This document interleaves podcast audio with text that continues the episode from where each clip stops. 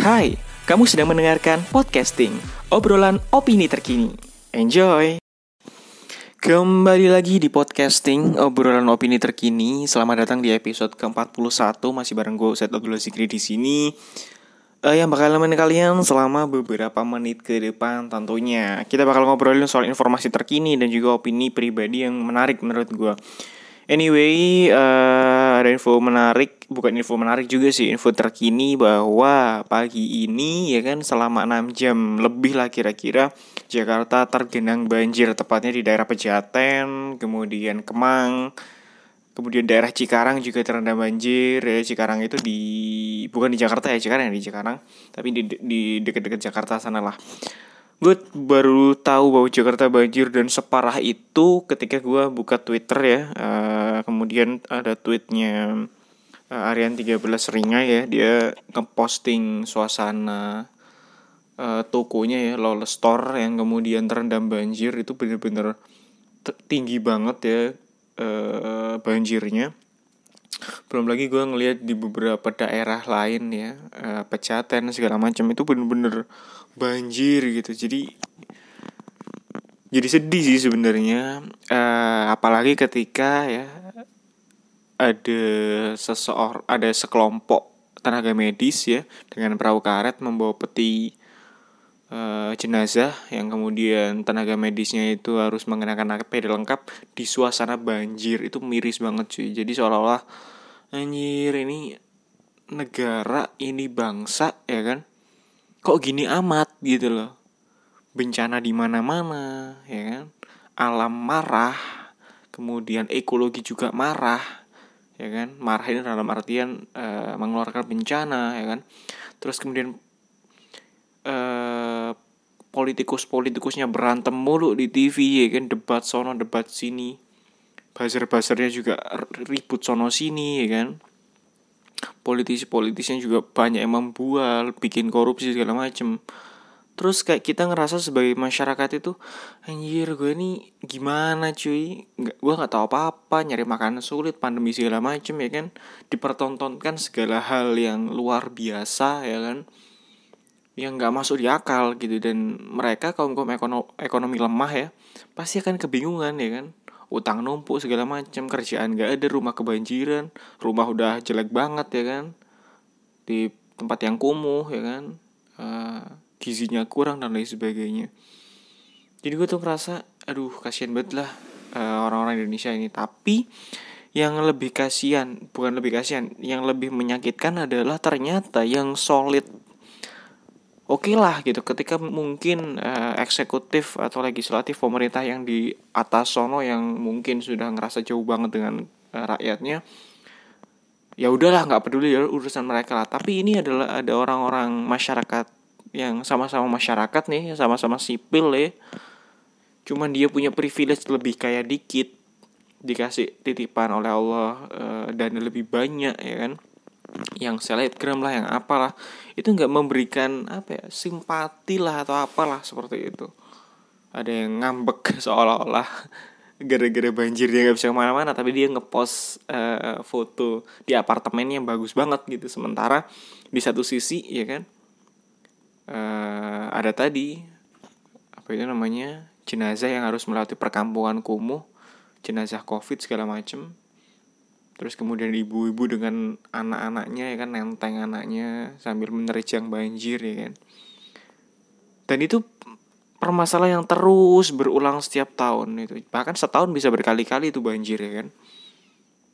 Uh, gue tidak mempermasalahkan atau gue tidak mengkritisi bagaimana penanganan banjir ataupun kemudian cara pemerintah dalam menanggulanginya tapi gue ngerasa apa ya kayak Indonesia itu udah nggak bisa dipertahankan gitu loh sadar nggak sih kita tuh meributkan sesuatu yang bukan uh, apa ya? kita tuh sering kali orang Indonesia tuh meributkan banyak hal yang hal itu tidak ada hubungannya dengan realitas kondisi sosial dan juga kondisi yang terjadi di Indonesia saat ini gitu sibuk ngurusi bentuk negara sibuk ngurusi radikalisme sibuk ngurusi teroris yang nggak ada nggak ada juntrungannya nggak jelas gitu loh. Terminologinya apa? Sih bu memberangus orang-orang kritik orang-orang kritis. Sementara banjir nggak kelar-kelar ya kan? Dan ini permasalahan yang udah sangat lama korupsi merajalela ya kan bahkan orang-orang korupsi itu nggak mungkin dari rakyat rakyat itu nggak mungkin korupsi. Korupsi dia teman-teman pejabat-pejabat sendiri pembuat-pembuat pembuat-pembuat kebijakan sendiri. Mereka pasti yang korupsi karena ya mereka yang punya akses ke sana mereka yang pihak berwenang mereka yang paham aturannya seperti apa kalau mereka bikin aturan maka mereka pasti tahu celah aturannya agar mereka bisa nyeleweng agar bisa mereka korupsi dan sebagainya ya kan? Beda dengan masyarakat yang bahkan masuk ke DPR aja nggak pernah. Bahkan yang ketika dia berdiri menyuarakan aspirasinya di depan kantor DPR aja dilempari sama gas air mata ya kan? Di beberapa kasus. Gitu. Begitu pula dengan kekerasan di Papua gitu. Udah banyak banget korban dari TNI korban dari sipil juga di Papua sana yang kemudian uh, akibat dari gerakan bersenjata segala macam. Tapi nggak ada tuh dari 188 nggak ada tuh bentuk nyata dari pemerintah untuk kemudian menyelesaikan permasalahan itu, ya kan? Gue tuh sedih banget ketika uh, dalam minggu kemarin tuh ngelihat uh, twitternya dari Laksono ya seorang aktivis dan juga seorang jurnalis yang sangat independen. Kemudian dia juga merupakan uh, pembuat dari film Sexy Killer ya. Dia memperlihatkan bagaimana orang-orang gunung orang-orang suku-suku gunung di pedalaman Papua itu turun gunung. Mereka mengungsi karena ada tembak-tembakan antara kelompok bersenjata dan juga TNI segala macam. Mereka terlihat sekali tidak ada apa ya tidak ada keberpihakan negara di di antara mereka. Tidak ada campur tangan negara dalam urusan uh, hidup mereka itu. Mereka seolah dibiarkan, ya kan? Sementara yang dipedulikan oleh para politikus 2024, ya kan? Mau ganti presiden atau enggak nih, ya kan? Elektoral segala macem gitu. Jadi lu berkuasa tuh buat apa gitu loh lu berkuasa untuk apa apakah untuk memperkaya yang jelas masyarakat seperti ini dan tidak mendapatkan manfaat dari adanya pemerintahan ya kan? Makan tetap sulit ya kan buat orang-orang lemah ya kan? Kemudian banjir masih melanda covid nggak kelar-kelar orang yang meninggal banyak banget ya kan? Aduh, bahan yang cukup berat ya. Eh, materi yang cukup berat di podcast malam minggu gini. Tapi setidaknya gini deh ini mungkin menjadi keresahan bersama kita semua gitu. Ternyata apa ya? Ya ternyata apa yang dilakukan oleh yang berwenang ya kan? Terus kemudian sosial masyarakat kita itu udah nggak nggak jelas banget gitu. Yang berwenang tidak menggunakan kewenangannya dengan sebaik-baiknya kemudian antar masyarakat juga nggak kooperatif nggak saling sayang ya nggak saling empati mementingkan dirinya sendiri mementingkan golongannya sendiri juga ya kan? Alam juga dihancurin segala macam akhirnya alam marah ya kan akhirnya jadi korban ya orang-orang miskin orang-orang terlemah. Orang-orang dengan yang tidak memiliki akses pada kekuasaan pada infrastruktur ya kepada finansial dan lain sebagainya gitu. Dan bukan tidak mungkin aku ya kan orang-orang seperti aku orang-orang mahasiswa segala macam yang masih nepeng orang tua yang kemudian tidak terjamin masa depannya akan mengalami hal yang sama gitu ya maka ya gimana ya? Gue mau ngomong tapi takut nih dikeker sama ini nih sama buzzer sama UITE dan lain sebagainya ya kan? Coba bayangkan kita mau ngomong sesuatu yang mungkin sedikit keras aja udah mikir berkali-kali nih untuk kemudian dikeluarkan coba. Luar biasa banget kan ya negara kita tercinta ini ya.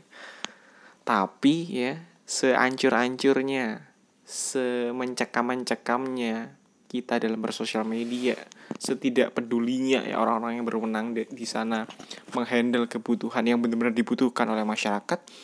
Ternyata orang Indonesia itu orang-orang yang sabar-sabar banget, orang-orang yang periang-periang banget, orang-orang yang bener-bener ikhlas, orang-orang yang bener-bener luar biasa menurut gue.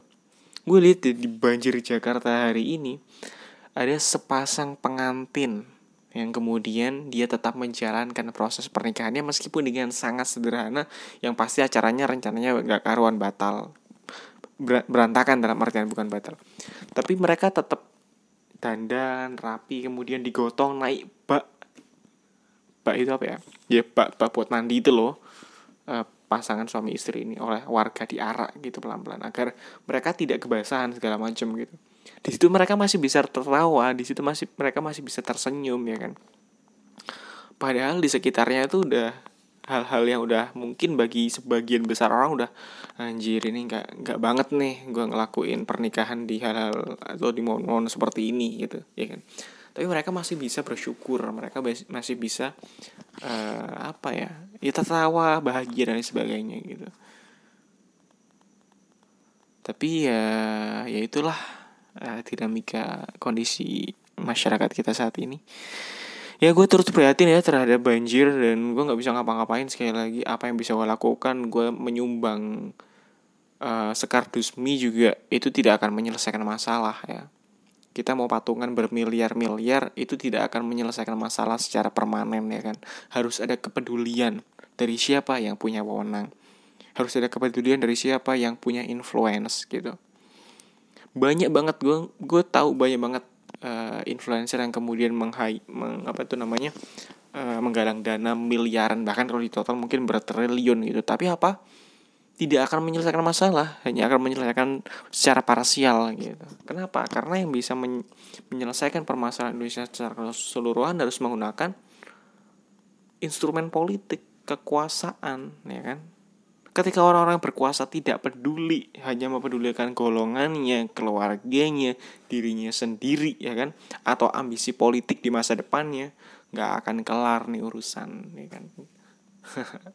itu aja mungkin episode uh, eh, ke-41 kali ini episode yang cukup berat bahasannya mohon maaf kalau misalnya ini tidak relate dengan keresahan kalian di malam minggu yang kemudian masih uh, berkutat dengan pasangan kalian atau uh, bingung mau makan apa besok dengan pasangan atau mungkin lagi nyari kafe-kafe lucu. Eh, sorry banget ini mungkin bukan bahasan yang cocok untuk teman-teman pendengar karena sebenarnya kita sedang gak baik-baik saja dan mulailah bersikap atau mungkin mulai berpikir bahwa kita memang sedang tidak baik-baik saja maka kemudian dibutuhkan kepedulian. Itu aja mungkin dari gue Uh, mohon maaf atas segala kesalahannya. Kita berjumpa lagi di episode ke-42 esok hari. Terima kasih dan bye-bye.